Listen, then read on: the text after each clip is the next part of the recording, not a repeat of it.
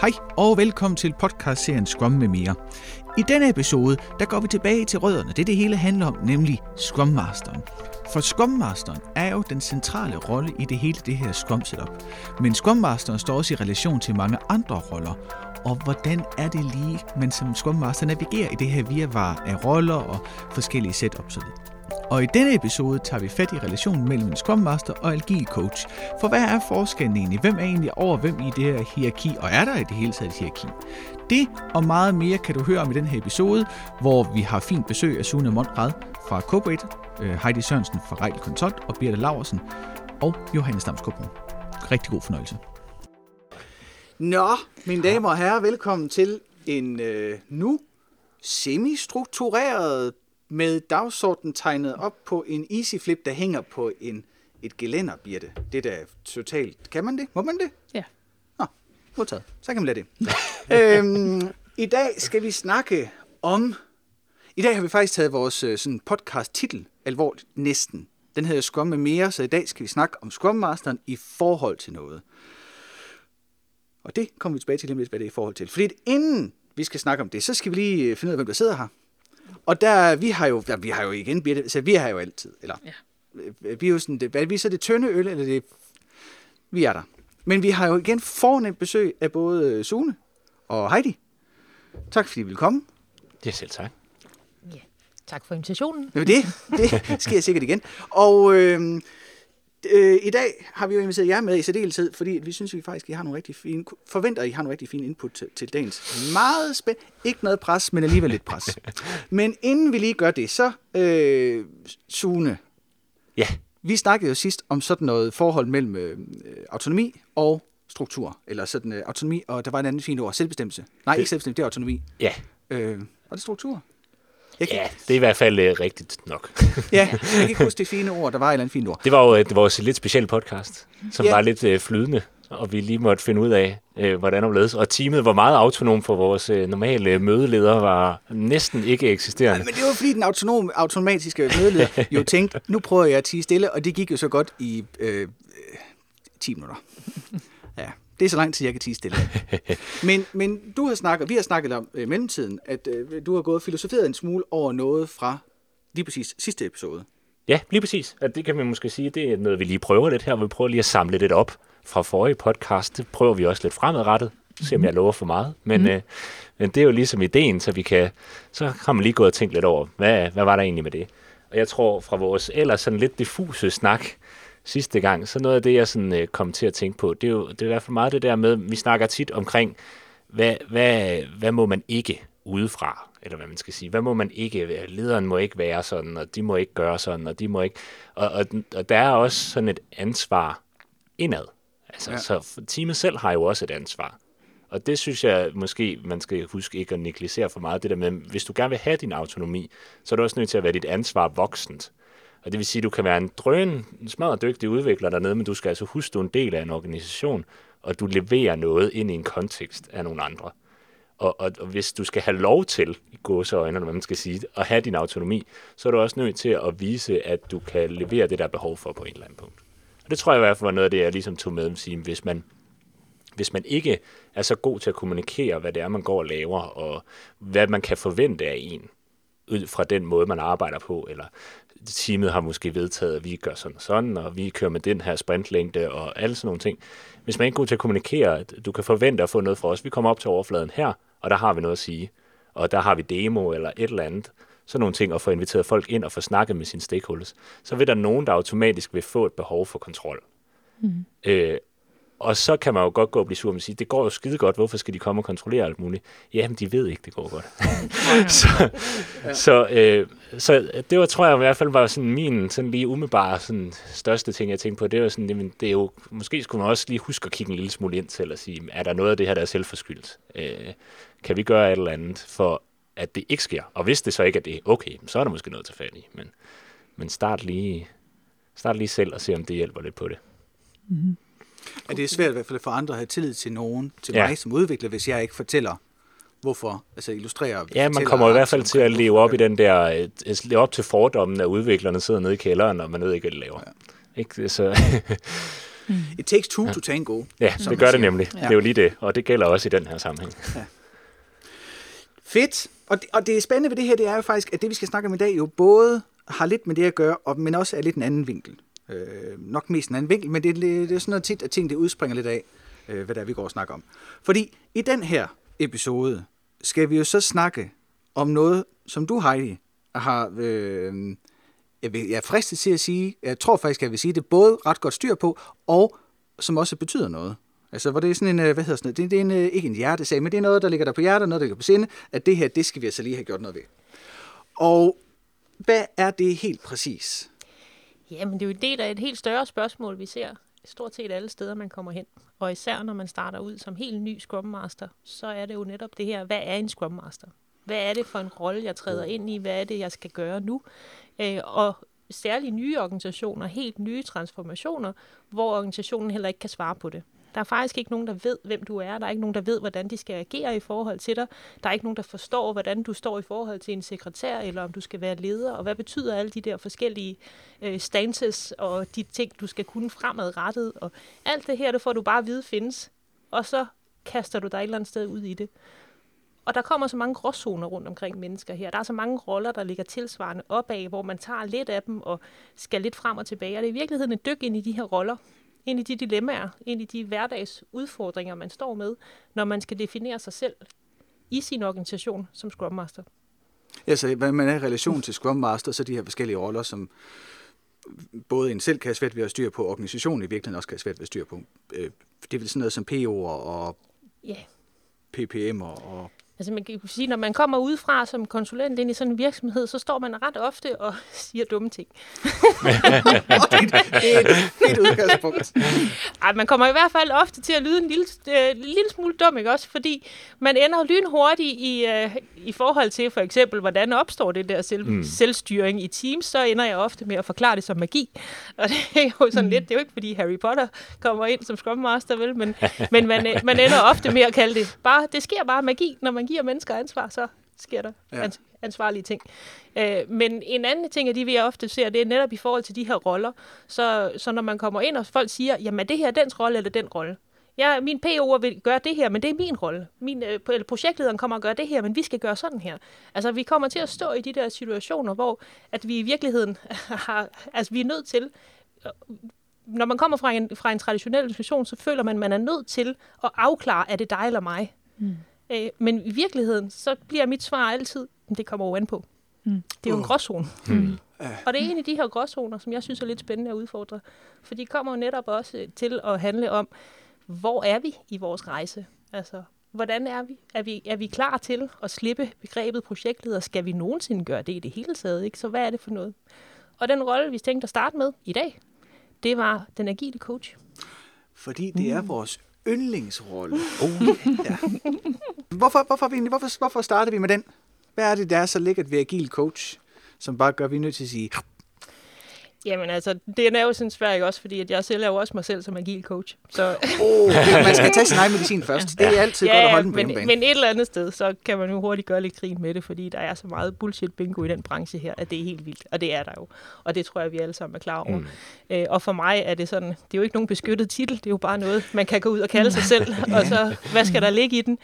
Øh, og og det, det kommer lidt... Øh, det er en lidt svær rolle, tror jeg, for mange netop at definere, hvad skal en agil coach så, fordi vi har det med at se det ind i et, øh, eller organisationer, traditionelle organisationer, som ser hierarkier, ser, at det her det er en fornemmere titel end Scrum Master.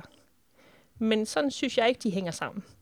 Så den, den her tanke om at sige, hvad er Scrum Master, hvad er agil coach, det er i virkeligheden for mig sådan lidt et spørgsmål om, hvad, hvordan kan man bruge hinanden?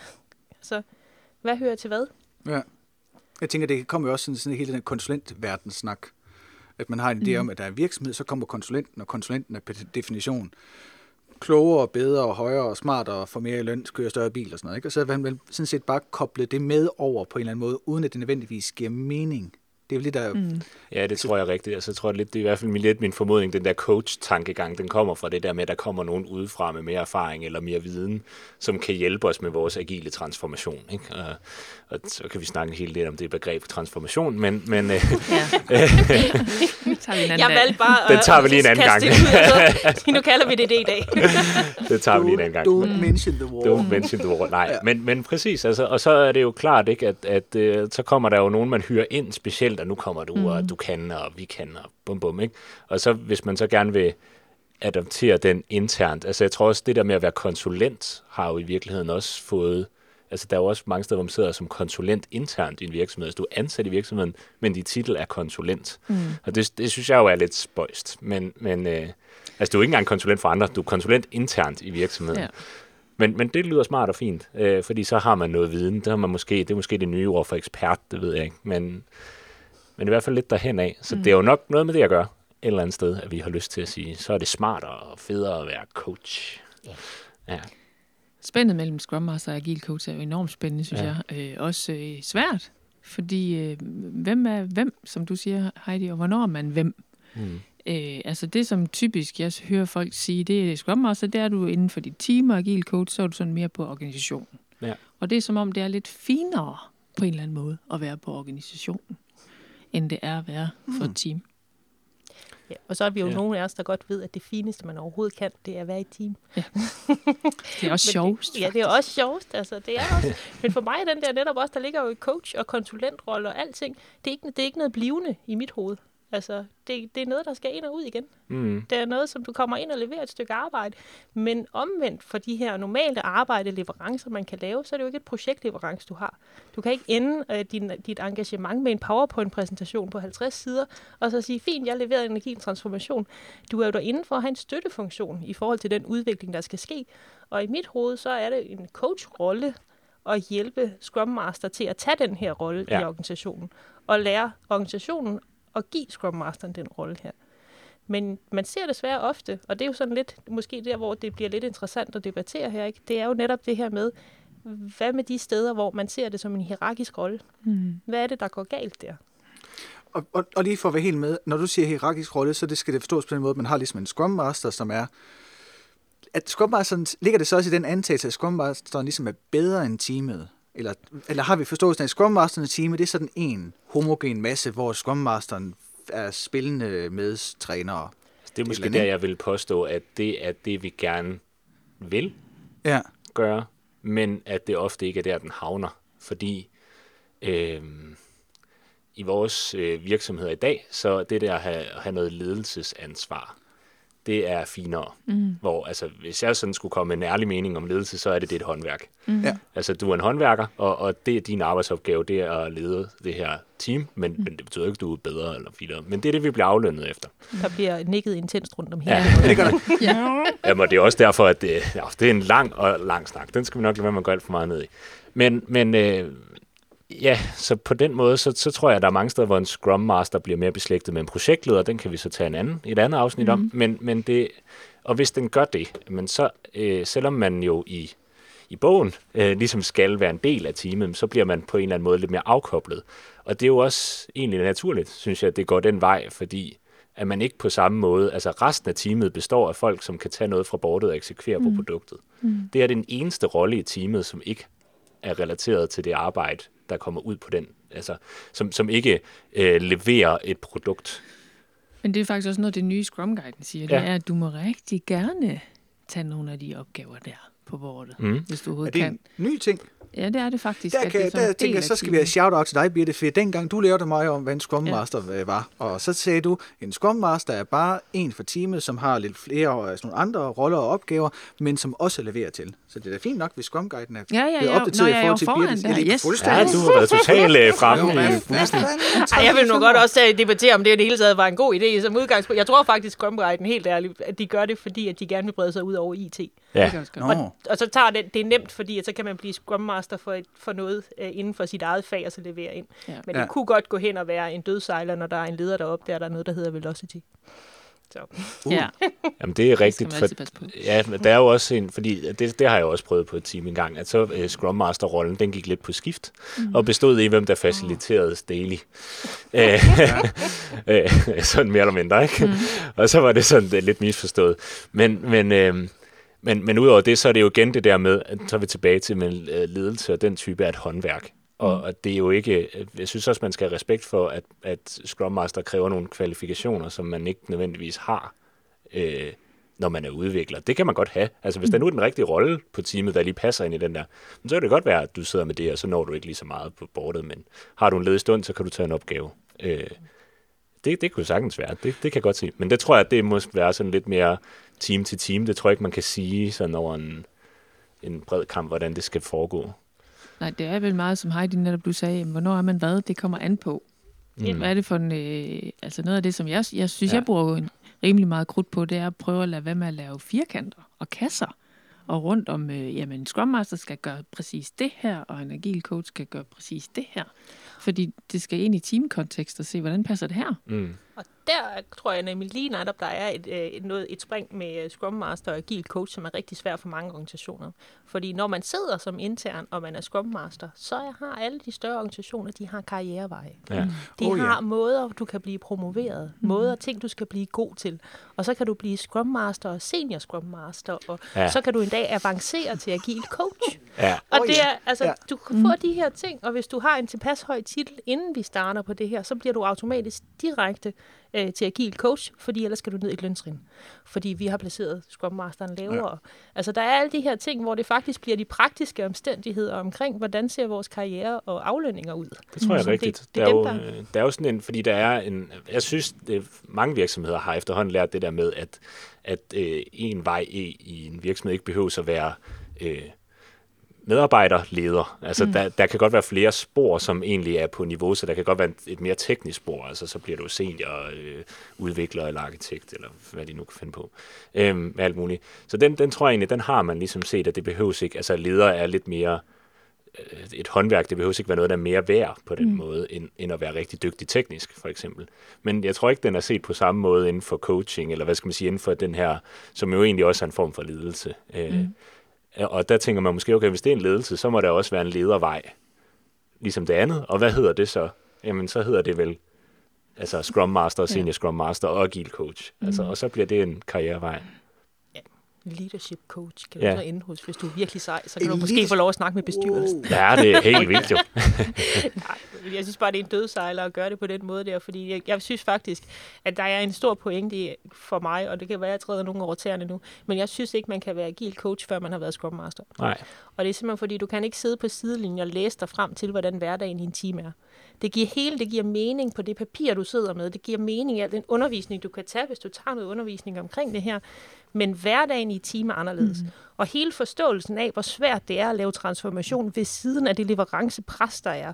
Og alle de der små ting. Og at du ikke, du kan ikke bare komme med en stor plan og kaste den ud til alle teams og sige, jeg har tykket den igennem for dig, bare gør det her, så det bliver det hele perfekt, vel? Mm. Fordi teams har ikke tid til at implementere den her forandring. Mm. Alle de her ting, det kræver simpelthen, at man har været inde i det team og forstået, hvad er det faktisk, der rører sig inde i det team. Ja.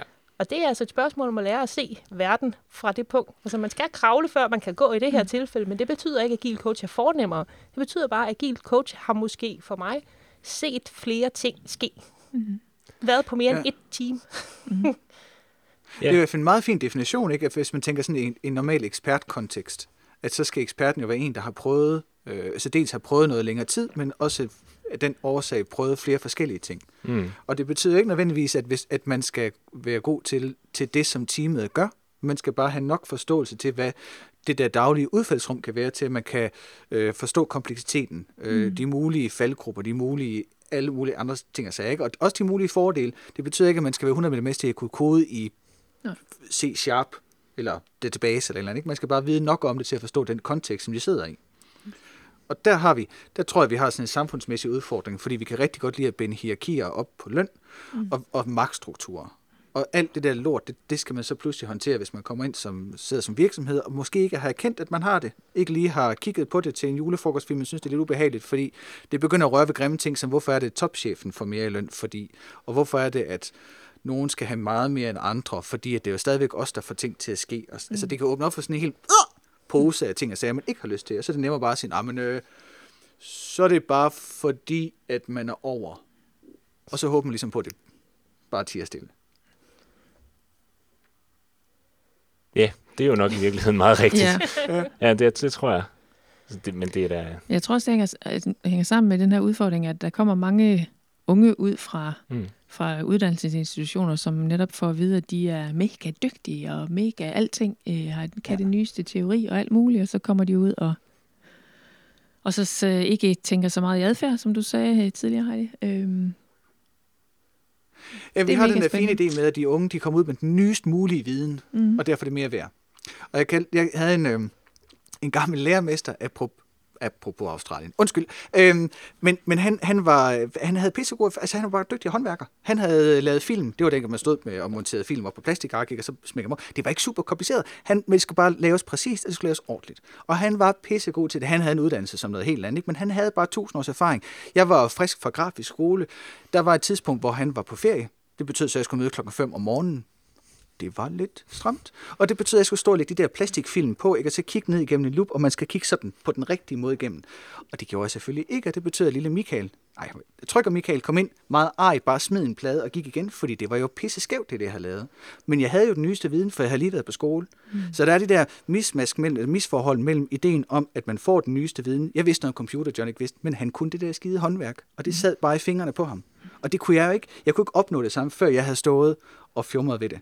Så på en eller anden måde skal vi også op, vi skal nuancere vores sprog til, at de nyuddannede har noget, mm. som en gammel rotte ikke har, Ja. men den gamle rotte har også noget, som den nyuddannede har. Og så skal vi krydre sådan en personlighedstype ned over det. Var det, er det, er det vi- har en... øh, Det kan man ikke se, men vi har en syngeskål stående på bordet, som bliver det nu på magisk vis ved Theo, fordi... ja, der vil jeg godt, der vil jeg godt sige ofte i var en podcast. ren knockout jeg, til det. jeg sagde, øh, den duer ikke til det, fordi den kan ikke sige en lyd, og Birte sagde, jo, det kan den sagtens. Den sætter lidt. Ja, den sagde, uh. Men det skulle illustrere, så skulle jeg se et eller andet begavet, øh, som jeg nu faktisk næsten har glemt. Det var da alligevel paradoxalt. Så gonger vi bare lidt senere igen. Ja, Men du fik mig til at tænke på noget. fedt. Øhm, fordi der er i virkeligheden en af de ting, en Scrum Master skal blive rigtig god til. Det er jo faktisk at se mønstre. Mønstre i adfærd. Vi bliver ved med at gøre det her, eller vi gør aldrig de her ting. Ikke? Altså, selvom jeg nu hader ord som altid og aldrig. Men Oj. jeg ser et mønster i, at det her ofte sker, når vi gør på den her måde. Og det er jo lige netop der, hvor man kan sige, at hvis et mønster er jo meget nemt at se, hvis du bare skal tegne en firkant. Så kan du blive ved med at køre rundt i den her firkant. Det er det, der sker, når du starter helt ud, så bliver du ved med at se den her firkant. Men. Det med at relatere den her fri- firkant til den her rektangel, du ser et andet sted, ikke? Altså, begynd at se, de her, de ligner faktisk lidt om hinanden. Det handler jo netop om at komme ud og se andre steder, hvor det fungerer næsten lige sådan. Noget, der ligner hinanden, noget, der har nogle fælles paralleller. Og jo flere af de her forskellige former for firkanter, du ser, jo mere begynder verden at, at have nogle store mm. mønstre, du kan reagere på. Mm. Og det er jo sådan lidt forskellen for mig på at være helt ny, og så være over i en rolle som agil coach. Mm. Øh, fordi, fordi som agil coach, når du er vant til at se de her mønstre, så kan du ligesom supportere øh, et Scrum-team mm. eller en organisation i at prøve nogle nye løsninger af. Mm. Vi kan ikke vide, hvad for en type firkant, der passer, men vi har set mange forskellige, så lad os prøve at finde en firkant, der nogenlunde rammer de ting, I står med i dag. Men altså, så, så hvis man skal tage en, en agil coach i den her kontekst, så er det måske mere som en opbakning. Altså som en, en, en erfaring, eller i hvert fald en, som kan måske komme med et perspektiv, hvor mm. man som, forestiller mig i hvert fald som Scrum Master, er sovset mere end i hverdagen. Øh, og, og nogle gange, og det tror jeg alle, måske har brug for nogen, som ikke på samme måde er sovset ind i hverdagen, Præcis. som kan komme med et perspektiv på det, man sidder med og sige, prøv lige sådan og sådan, eller lige minde en om, at man skal lige huske at løfte sig op i helikopteren en gang imellem, eller hvad det nu måtte være. Så, så det er måske den rolle, man får, altså nu hedder det coach, men altså i virkeligheden tror jeg, jeg ser det mere som sparringspartner. Ja. Og der tænker jeg faktisk, at den her rolle, som Scrum Master jo gerne får i forhold til sit team, det er jo at hjælpe med at sætte tempo på den udvikling, vi har. Hjælpe med at se, hvad kunne være den næste lille trin, hvad er det, der kommer til at se. Det man måske som coach, når man skal supportere den her udvikling, så bedre at supportere sin Scrum Master i at få øje på de næste ting. Altså supportere i, at nu kommer der noget bredere. Nu skal vi til at snakke om øh, noget øh, arkitektur måske bredt. Nu skal vi til at snakke om, hvordan vi snakker om nogle nye ting. Nu kommer der lige om lidt et eller andet her, noget nyt fra PMO. Hvordan får vi lige det her til at passe ind i vores hverdag? De her ting, hvor du har nogle ting, du har set før, kan du ligesom supportere din Scrum Master i at bære ind i hverdagen. Og det er nok mere der, hvor jeg ser, det er en, det er en support, backup-rolle, og på et eller andet tidspunkt, så skulle den gerne dø ud. Mm. For mig i hvert fald, så skal den gerne dø ud. Med mindre den render rundt med fuldstændige løsgængere og snakker med dem. Men altså, Vil det være totalt kontroversielt, hvis man havde, hvis man siger, at øh, i stedet for at have en coach, at man så i virkeligheden øh, sparer med nogle andre? Altså i samme, øh, hvad skal man sige, på samme niveau? Altså, Jamen, det er faktisk utroligt godt spørgsmål, ja. øh, og det er lidt utroligt, hvor lidt sparring man får, vi gør i dagligdagen i vores, når dagligdagen kører. Ikke? Mm. Selvom øh, nu er jeg et sted, hvor der er mange Scrum Master. Vi bliver bedre og bedre, men det skal i talsættes hele tiden og hjælpes. Hvordan skal vi lige få sparring af hinanden? Ikke? Mm. Øhm, Men det er vel igen den her øh, med sådan samfundsmæssigt strukturelle hierarkiske magtlort, som kommer ind. Fordi det er finere at snakke med en, der er klogere. Jo. Det er finere at snakke med eksperten, mm. end at snakke med sin kollega, som mm. sidder med det samme. Og vi har sådan et behov for at få kvalificeret og valideret de tanker, vi har. Mm. Så går man til coachen. Men det er jo helt utroligt, hvor meget man kan lære af at tage til en daily mm. i et andet team. Yes. Og, altså sådan en lille ting for 10 minutter. jeg, jeg vil også sige, der er ikke noget bedre, man kan gøre for sin organisation. Nu kommer der fuldstændig gratis tip her. Hvis du gerne vil have din organisation til at udvikle sig bedst og hurtigst overhovedet, så støt Scrum Master Forum. For de her Scrum Master rystede rigtig godt og grundigt sammen. Fordi i virkeligheden, så behøver de ikke nogen coach på. Fordi de kan sagtens spare sig frem til gode løsninger. De kan sagtens selv efterprøve de her ting. De kan sagtens gå ud der. Og der er lidt, øh, lidt reklame for, det var Birtes idé. Første gang jeg var Scrum og Birte var min mentor, og vi kom med det her fantastiske lotteri, jeg lige for nylig havde chance til at give videre ideen til nogle andre.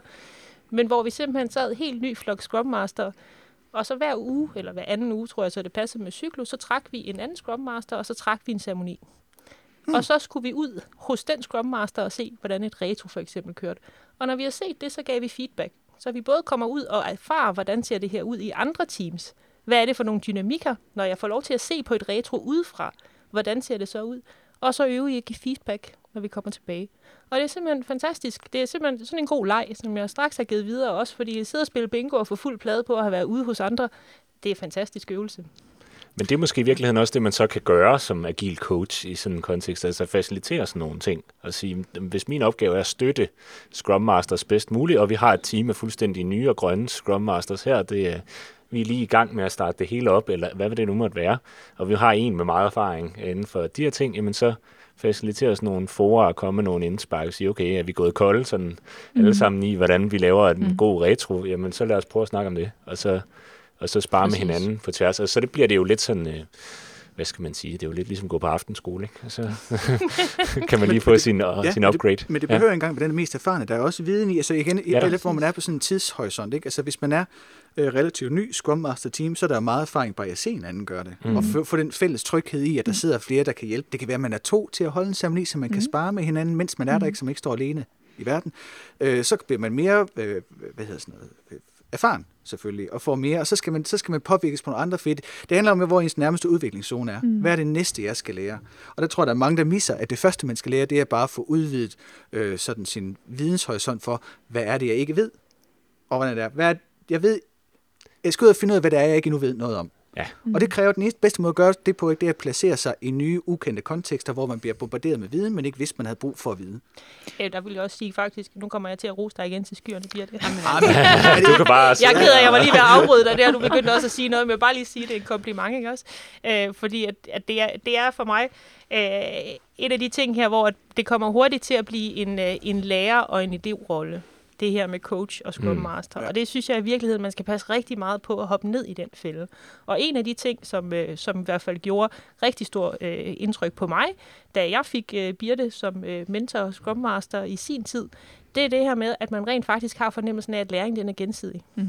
at, at coachen lærer lige så meget, fordi de har stadigvæk mm. behov for den kontakt til dagligdagen, hverdagen. Det input, du kommer med, den kreativitet, der kan være over, hvordan du gør ting, hvad du ser.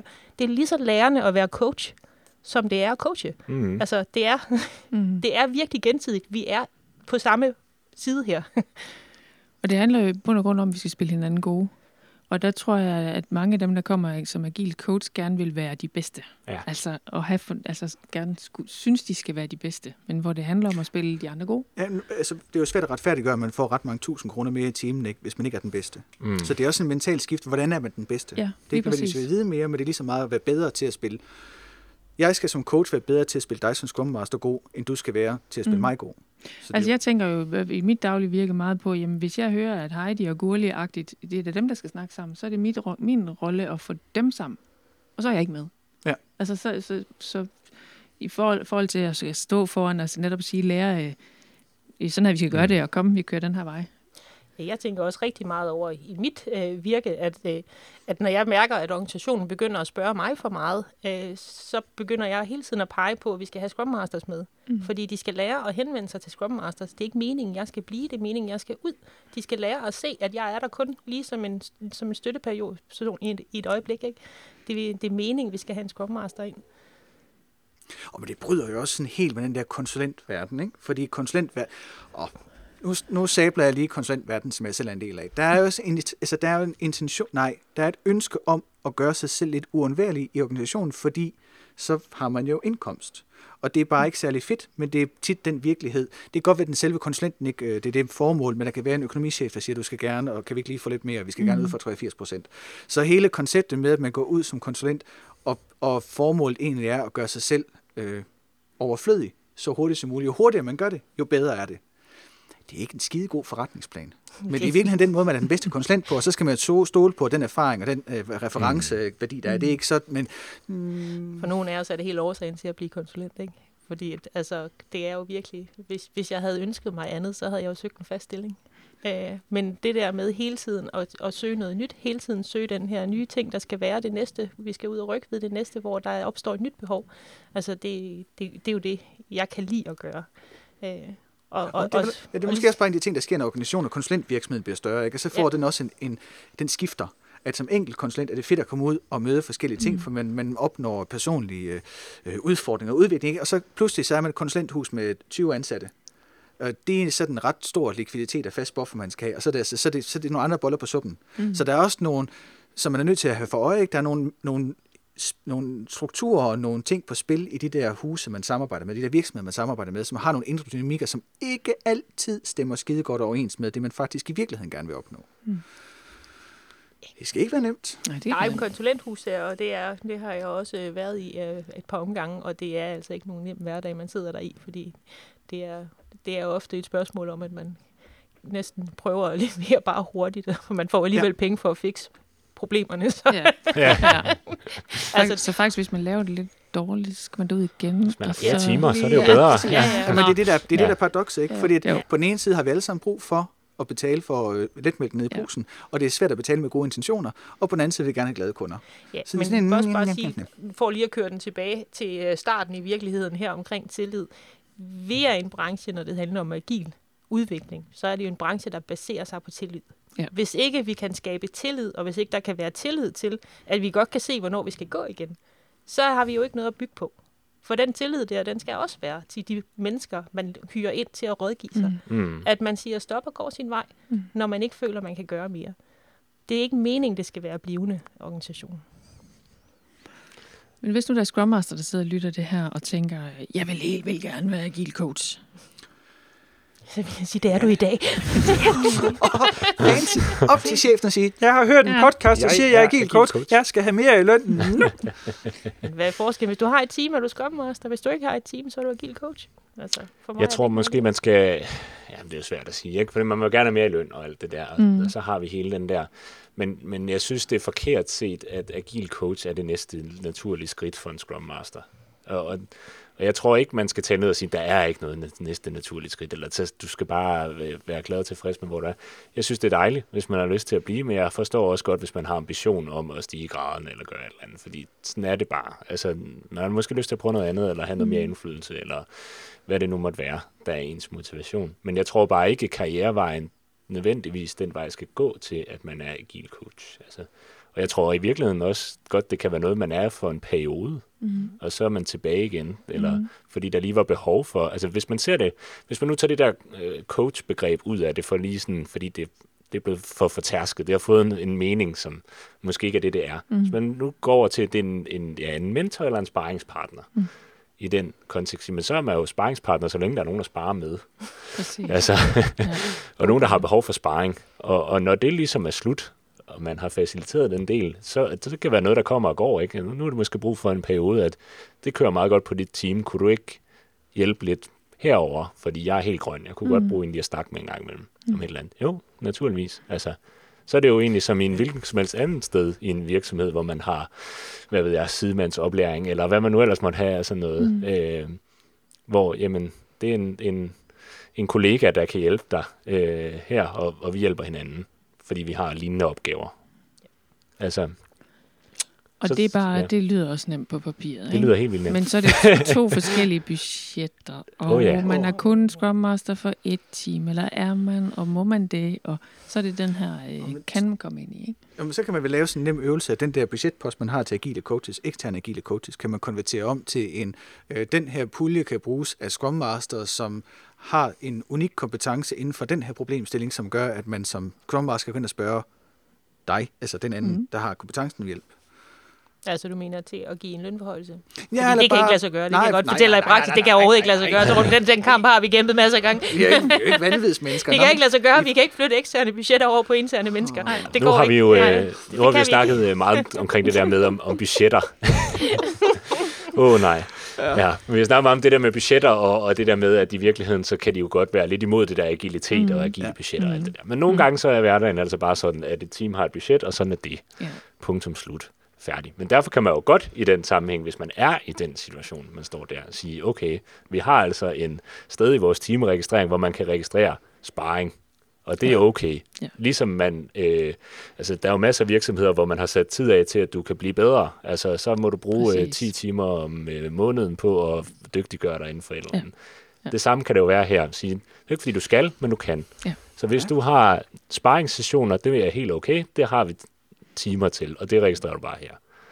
Altså, så kan man da i hvert fald en vej ind, selvom man må sidde i en rimelig stram struktur. Jeg vil i virkeligheden også bare anbefale, hvis man sidder som Scrum Master, og man har lyst til at prøve noget andet, så lad være med at tænke så meget i titlerne. Mm. Altså adskilt 100% det her med lønhierarkiet og alle de fine fornemme titler, og se på, hvad er det faktisk, jeg har lyst til. Mm. Og der kan det måske være meget fint. Række ud til en. Det kan være en, du bare kender fra LinkedIn, eller en, du har mødt på et kursus, en, der ved noget om det, en, der har siddet i den stilling, du synes ser spændende ud udefra. Mm. Prøv at række ud til de her mennesker, og så finde ud af, hvor du vil hen. Ja. Vær fuldstændig hamrende ligeglad med, om der står Scrum Master i 10 år på dit CV, hvis du er glad i din hverdag. Så skal der stå Scrum Master. Så skal der ikke pludselig over at stå Agile Coach. Altså. Nej, altså, der er jo den udfordring, at nogle gange så følger der også en lønforhøjelse med, ikke? og den kan man øh, måske nogle gange være mindre util, eller mindre øh, øh, ligeglad med. Men den skulle gerne kunne komme alligevel, og det er måske det problem, yes. man skal tage så med. Man kunne for eksempel, nu du siger, at tidsregistrering på, på sparring og sådan noget, man kunne nedlægge al tidsregistrering, og så spare pengene der, og så bare give det til lønforhøjelse. oh. Man ville ingen ja. nogensinde overhovedet ville blive... Ej, men men vi kan også begynde at aflønne hinanden i kryptovaluta. Altså, der er, der, altså, der er ting, der er mulige, og så er der ting, der ligesom er rimelig meget binding på. Jeg, har, jeg, jeg, jeg, har et, stadig, jeg tror stadig på, at der er en eller anden dag, en eller anden stor virksomhed, som fuldstændig dropper tidsregistrering. Øh. Og jeg kommer nok jeg kommer forbi med blomster. Det gør ja. jeg. Det gør jeg også. Ja. Øh, chokolade. Så får chokolade. I både blomster og chokolade derude, hvis I dropper tidsregistrering. Ja. Æder bank med store chokoladeblomster.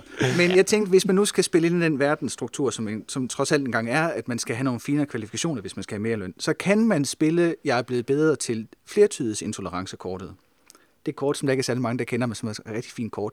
Flere er det nu, vi dinger nu, på... Det kunne godt være, nu man dinger, men, men er klar? så skal jeg bare holde... Er klar? Ja, okay, vi er klar. Sådan. Nå, oh, det er fordi... Det er, og hvad hedder hjørnet her, Johannes? Bedre. Øh, der er et meget fedt psykologisk begreb, der hedder flertydsintolerance, og det går simpelthen på, hvor gode vi er til at tillade, at noget skifter tilstand. Og det er sådan noget med, hvis man, altså der er nogle gange, hvor det er en fordel, og også nogle gange, hvor det er en kæmpe stor ulempe. Fordelen er, at man har en mere fleksibel tilgang til verden. Man tillader, at ting ændrer sig, og er mere parat til, at nu var det noget, nu er det noget andet. Sådan helt øh, konkret, så satte man folk til at kigge på sådan en lille sort-hvid tegning af en kat, og så morfede man den lige så langsomt til en hund, og så, det, så scorede man folk på, hvornår de sagde, det er en kat, det er en kat. Ah, nu er det en lidt en hund, og nu er det meget en hund. Så når skifter de. Og langt de fleste ligger sådan en normal fordelingskurve hen om midten. Ikke? Den er sådan en 45 til 60, 40-60 procent, så er det nogen begynder at sige, ah, nu er den lidt væk. Men der er nogen, der gør det meget tidligt, og der er nogen, der gør det meget sent. Og hvis man nu er agil coach for eksempel, så er det rigtig uhensigtsmæssigt, at man gør det meget sent. Fordi det er rigtigt, det, altså, det man er op ad bakke, hvis man skal ud som coach, og ens fornemmeste opgave, det er at forstå den anden virkelighed, og så holde fast i, nej, det er det her, der er problem. Det er godt, du siger noget andet, men det er det her, der er problem. Det duer simpelthen ikke. Mm. Så man skal have en eller anden, man kan godt øve den her flertidsintolerance. Altså man kan godt træne den. Og det er måske det, man kan gøre ved at række ud til nogen og spørge, skal vi ikke øh, lege sparringspartner? For så kan jeg få udvidet min horisont og udvidet min evne til at acceptere, at det, som jeg tror er en hund, måske faktisk er en kat. Fordi det er den vigtigste evne, det er at kunne sætte sig et andet sted. Så man kan, gå, man kan tage på sådan et flertydighedsintolerance kursus ved at række ud til netværk og blive mm. sparringspartner for nogen, så gå op til lederen og sige, jeg er nu 10% bedre, eller 10% mere flertydighedstolerant.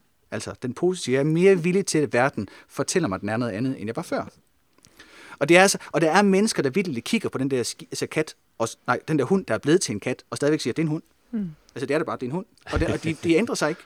Og det er det, der er problemet også, at den menneskelige psyke er ligesom, det spændsbredden er så bred.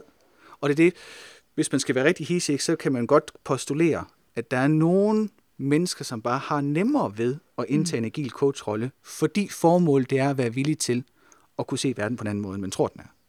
Så det kan godt være, at man skal ligesom pille sig selv i navnet og vurdere, synes jeg, det er fedt at blive udfordret hele tiden? Synes jeg, det er fedt at få det fysiske, nogle gange ubehag, det er ved at skulle acceptere, at det, som for mig er regel, sådan, det er en hund, at det er vildt at have en kat, så skal man forblive skrømmer, så er man skidegod til det. Så skal man øh, holde sig inden for den, de trygge rammer, man kender. Men hvis man synes, at det er fedt at blive udfordret, synes den der øh, usikkerhedsfornemmelse er lækker, så kan man begynde at træne sin flertydighedsintolerance, tolerance, eller flertydighedstolerance.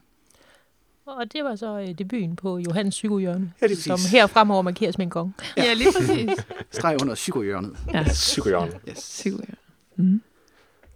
Nå, men så fik vi da lige rundbarberet nogle agile coaches, der skal... Men det er fedt, når man selv render rundt og, og, og skriver det på fakturen, ikke? Det ja, så kan det, det det, det, er smukt. Vi Nej, sidder men jo- altså, det er sgu heller ikke, det er, det er altså også bare et spørgsmål om, at man skal sådan lige tage en græns salt, de der ting og titler, vi putter på ting, fordi i virkeligheden, så er det jo det, der sker, når vi, når vi lykkes med at være agil, når vi lykkes med alt det her, så lykkes vi jo også med at udslette det her hierarki. Mm. Vi har en plads, vi lærer at bevæge os i forhold til hinanden, vi lærer at trække på de mennesker, vi skal. Forhåbentlig så, når man kommer som ekstern, som coach, så på et eller andet tidspunkt, så trækker man sig mere og mere ud af den her situation. Det svarer jo nærmest til at sætte øh, fem børn i gang med at lege. Det kan godt være, at du skal være Ja. i nærheden Ja. af dem først. Du skal lige lære dem et eller andet, men på et tidspunkt, så kan du faktisk godt gå ud og tage et glas vin i bryggersid. Ja. Altså, det er... Ja. Jeg har ikke børn, så... Nej, vel, altså, det er ikke det, man gør, men, men det kunne man. Man altså, kunne man. hypotetisk set, Det ja. er jo sådan, det er jo bare det der med at, at være der til behovet ikke er der længere, og så komme Mm. mm. ind, og det kan vi kalde mange forskellige fancy fornemme ting. Men det er jo bare et spørgsmål om, der er nogle behov. Vi prøver at arbejde i de behov. Når behovene er begyndt at løse sig selv, så finder vi nogle nye behov, eller så går vi vores vej. ja, lige præcis.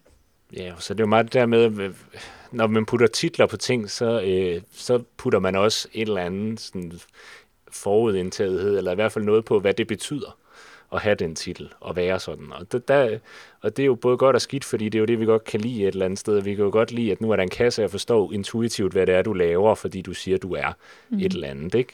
Og, og nu har vi bare fået puttet et eller andet på den her coach-rolle, så den er blevet øh, altså sensei øh, på, på det her, ikke? Og, og sensei, det er jo nogen, der de skal have, i hvert fald have mange penge, ikke? Så øhm, ja, fordi vi har fået koblet sammen med et magt og præcis, altså så er den jo ligesom kommet der, og karriereveje og alt det her, som vi har snakket om tidligere, og, og det er jo så problemet ved at kalde det et eller andet. Så hvis vi lige rebrander den et øjeblik, og så kalder vi den sparringspartner, så kan det være, at det ord er blevet ødelagt på et tidspunkt, og så må vi kalde noget andet. Men, øhm, Okay. men i hvert fald så er det jo, ja, det er måske mere, det det er jo ikke fordi, vi skal sige, at den ikke er nødvendig. Det er ikke nødvendigt at have en coach, altså på den her måde. Det er måske bare en præcision af, hvad det er, rollen går ud på. Ja, så er der ikke noget hierarki, Ja, præcis. at det er støtter at- i stedet for. Jeg synes faktisk lige netop, det er det rigtig øh, fuldstændig enig af. Når du, når du begynder at hænge sig i titler, så hænger man sig i et gammelt hierarki. Mm. Altså, det er næsten ligesom vandfaldsudgaven Mm. af at lave sprint. Altså, det, er, det er lidt det samme. Vi taler ind i en anden verden, end den vi prøver at skabe. Ja, mine damer og herrer. Så hvis man sidder derude og tænker, kan vide, hvad jeg skal, hvis de nu havde en lille smart bouillonterning, jeg skal tage med mig i dag, så kan man tage den med sig. At man skal være opmærksom på, at når man har en ekstern struktur, så har man et magthierarki, man har en eller anden organisation, en eller anden karrierefornemmelse, et eller andet, man taler ind i, og når man så tager det agile og klasker ovenpå, så bliver det smasket sammen. Og man vil eller ej, men mindre man eksplicit forholder sig til det. Og redefinerer en, spar, en agil coach til en sparringspartner, til en støttende og så gøre op med det der magt. Øh, jamen, jeg skal have mere i løn, jeg skal have mere, øh, og gøre op med den struktur. Så det kan man tage med sig. Og så kan man glæde sig til næste gang. Vi holder podcast, fordi så har vi simpelthen tænkt os at gentage succesen. Ikke med en agil coach selvfølgelig, for det, altså, nu har vi, nu har vi ligesom... Nu er den givet barberet. Den er fuldstændig shiny. Ej, det kan den ikke. Ja. Men næste gang, så tager vi gerne en, eller vi tager en rolle mere, og hvis man nu sidder derude og tænker, at det kunne være rigtig fedt, hvis de bar- Ej, det, den, hvis vi ville snakke om, ikke barbere, men snakke om en rolle, så har man muligheden for at skrive til os, og så tager vi den gerne op. Og ellers så kan man, øh, så kan man måske følge med på en lille LinkedIn-profilside, så kan man se, hvad det er, vi går og planlægger med, hvad det bliver den næste rolle. Det bliver mildest talt spændende. Det, mm-hmm. det kan vi godt garantere. Øh, tak fordi I ville komme. Øh, Både dig, Birte, men også Suna og Heidi. Det var jo øh, fremragende at lige at få barberet sin agile coach der. Det var en fornøjelse som altid. Nemlig. Fedt. Og til jer, der lytter med derude, tak fordi I øh, gider lytte med, og vi håber, at I har fået noget ud af det, og I synes, at det bidrager til lidt mere inspiration og viden. Og hvis man har en ris og ros, så er man velkommen til at sende det til infosnablag.retrospectives.dk, så læser øh, Birte eller jeg den, og gør noget ved den. Det var alt for os. På gensyn. Hør. Ja, Detective. Eso es discrepe. ¿eh? Yeah.